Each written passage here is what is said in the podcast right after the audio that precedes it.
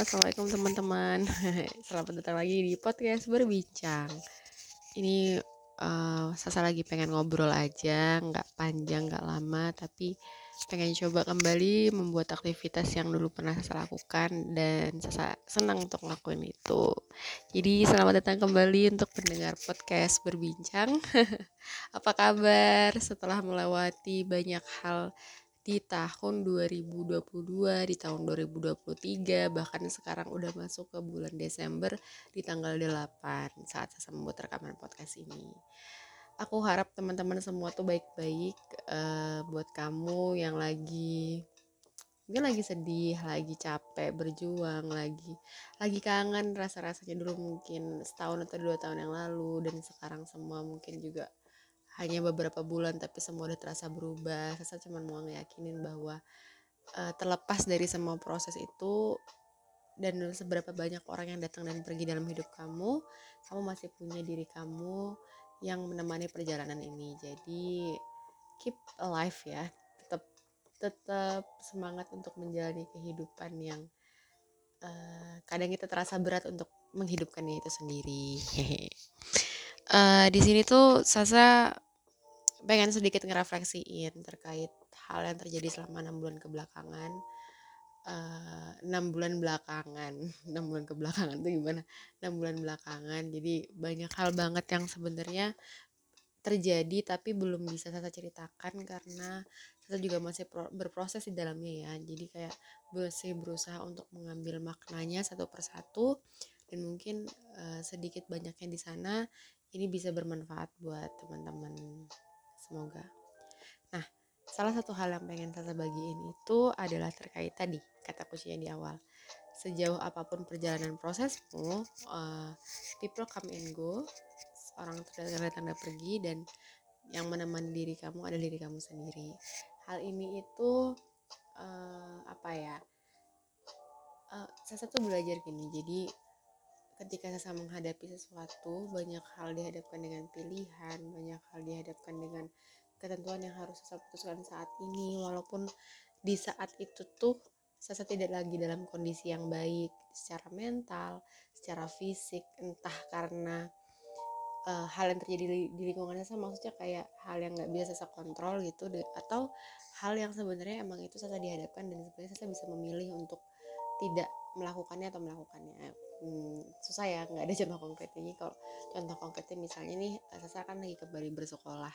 Nah ketika Sasa masuk kembali bersekolah Sasa tuh masuk ke dalam periode yang uh, ya mau nggak mau hampir kayak 24 jam hidup Sasa itu tuh buat sekolah gitu. Nah padahal dalam perjalanan di sekolah itu kan kehidupan Sasa nggak cuma sekolah. Kehidupan Sasa ada untuk mengurus diri sendiri untuk memperbaiki motor misalnya untuk berhubungan kembali dengan teman-teman yang lama atau misalnya uh, memper, membangun network gitu ya. Nah hal ini tuh agak sedikit miss ketika saya kembali bersekolah. Jadi ketika sekolah kegiatannya padat kayak ya kayak anak SMA kayak kerja padahal di usia saya ini di usia sekitar 24 sampai 25 tahun itu kebutuhan saya nggak cuma di situ kebutuhan saya itu juga kalau di psikologi itu ada namanya tugas-tugas perkembangan pada fase periode tertentu. Nah kalau kita uh, ikut salah satu teori dari Erik Erikson salah satunya adalah intimasi versus isolasi. Jadi salah satu kebutuhan kita di sini tuh kayak punya sesuatu hal yang ini maksudnya tuh dalam artian punya pasangan hidup misalnya kayak gitu. Nah tapi karena saya bersekolah uh, tugas perkembangan terkait intimasi dan ini tuh jadi konteksnya luas banget gitu. Akhirnya bisa mengembangkan uh, relationship dengan teman-teman yang baru gitu atau dengan hubungan yang mau ke jenjang serius kayak gitu tuh uh, terjadi di fase-fase kayak gini.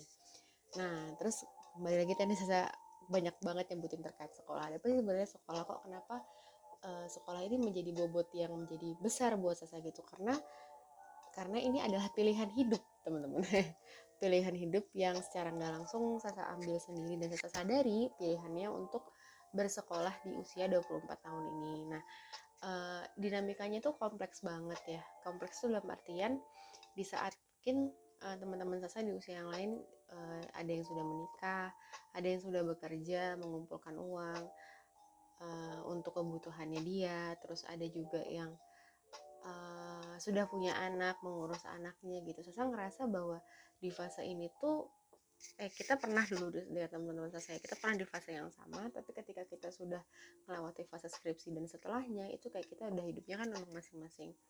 Nah tapi uh, di sisi lain saya juga sadar bahwa kita juga tetap butuh punya kebutuhan sosial untuk tetap berrelasi dengan orang lain tapi dengan peran kita yang jalan masing-masing tadi tuh akhirnya berbeda-beda kebutuhannya dan itu sangat tidak bisa disamaratakan Nah, kalau misalnya saya maksain untuk sama ratain terkait hal itu, bisa-bisa saya stres sendiri gitu. Kenapa? Karena uh, ya walaupun kita punya tugas perkembangan tadi, tapi kan dalam fase ini saya juga uh, harus mempunyai keputusan eh bukan apa mempunyai pilihan untuk bersekolah tadi. Jadi mau nggak mau hal itu menjadi resiko Sasa misalnya gitu ya.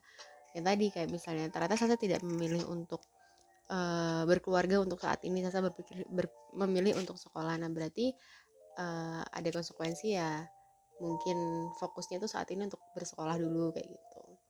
Nah tapi uh, di sini Sasa mau nekankan bahwa apa pun pilihan kita yang kita ambil kita nggak boleh mengurangi hal itu menjadi diskret dalam value kita. Diskret dalam value itu seperti apa? Misalnya kamu percaya adalah kamu adalah orang yang akan bermanfaat untuk orang lain. Kamu kamu adalah orang yang ajak atau kamu orang yang punya mimpi yang besar misalnya mimpi untuk membantu orang lain ya ini contoh sederhana yang mungkin sering ditemuin di orang-orang aja. Atau misalnya kamu adalah orang yang senang untuk berbagi seperti untuk mengajari orang lain atau kamu senang maaf iklan. Atau kamu senang dalam hal uh, yang ternyata kamu gak belum tahu nih kamu punya kayak gitu itu tuh jangan sampai pilihan-pilihan hidup kamu ini tuh membuat diskret terhadap value kamu.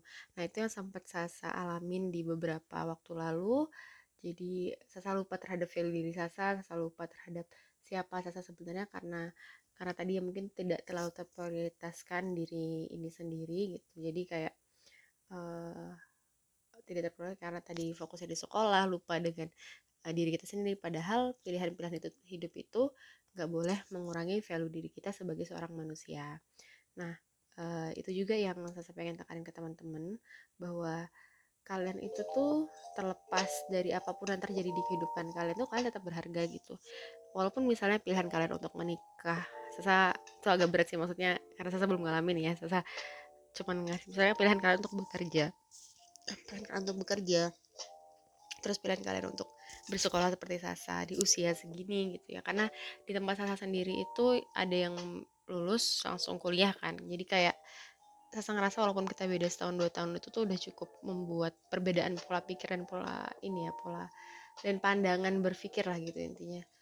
Uh, ada pola hidup yang juga berbeda pola hidup peristiwa hidup yang juga berbeda dengan perbedaan setahun dua tahun. Uh, walaupun bisa dibilang ya kita nggak bisa matok misalnya usia dia 21 tahun tapi dia tidak punya pengalaman bukan seperti itu. Tapi ada beberapa hal yang emang rasa ngerasa tuh berbeda jadi ada gap aja gitu.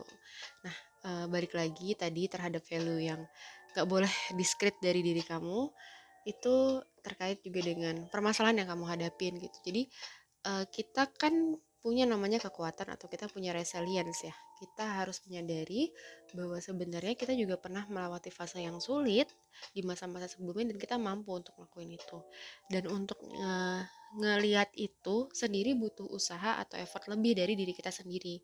Jadi walaupun nih kamu kayak lagi menghadapi sebuah stressor atau kamu lagi menghadapi suatu hal yang menurut kamu tuh baru dan berat gitu ya kamu lagi berusaha menyesuaikan adaptasi untuk melalui hal-hal ini gitu. Tapi ketika kamu looking back ketika kamu ngelihat ke belakang bahwa sebenarnya kamu sendiri pernah mengalami fase yang seperti ini tapi mungkin emang bobotnya aja yang agak berbeda. Nah untuk melihat looking back effort-effort. Itu kita perlu melakukan effort-effort kecil misalnya berdiskusi dengan teman-teman kita yang pernah tahu kita di sisi di sisi titik itu atau mereka yang sedang mengalami struggling yang sama kita perlu berdiskusi lagi kayak oh ternyata eh, nggak uh, cuman aku ya yang merasakan seperti ini. Teman aku juga bisa merasakan hal serupa misalnya kayak gitu. Uh, looking back at your lowest point before it making you stronger than ever. Jadi tuh kayak itu salah satu usaha kecil sih yang menurut Sasa sangat berdampak buat hidup Sasa juga saat ini gitu. Jadi ketika Sasa melihat uh, ada hal yang bisa Sasa lakukan untuk menguatkan diri Sasa saat ini yang salah satunya adalah looking back of what apa ya looking back at what have you done gitu. Melihat ke belakang terhadap apa yang telah kamu lakukan. Itu. Tapi effort kecil yang saya lakukan yang paling saya scrolling galeri terus kayak oh ternyata saya pernah melakukan ini ya ternyata pernah ngelakuin ngelakuin ini ya ngelakuin itu ya dan ini tuh berdampak dan bermakna buat saya saat mungkin membentuk diri saya yang sampai akhirnya siap nih untuk melakukan menghadapi resiko ke depannya lagi. Gitu teman-teman. Jadi balik lagi di tema utama kita hari ini adalah uh, jangan sampai mengurangkan value diri kamu terhadap pilihan pilihan apa pun yang kamu jalani saat ini uh, dan kamu itu berharga terlepas dari permasalahannya apa pun yang kamu hadapi begitu teman-teman. Jadi kayak cukup sekian. Ya saya nggak mau berpanjang-panjang dulu. Semoga hal ini bisa saya terus lakukan buat ke teman-teman semua. Terima kasih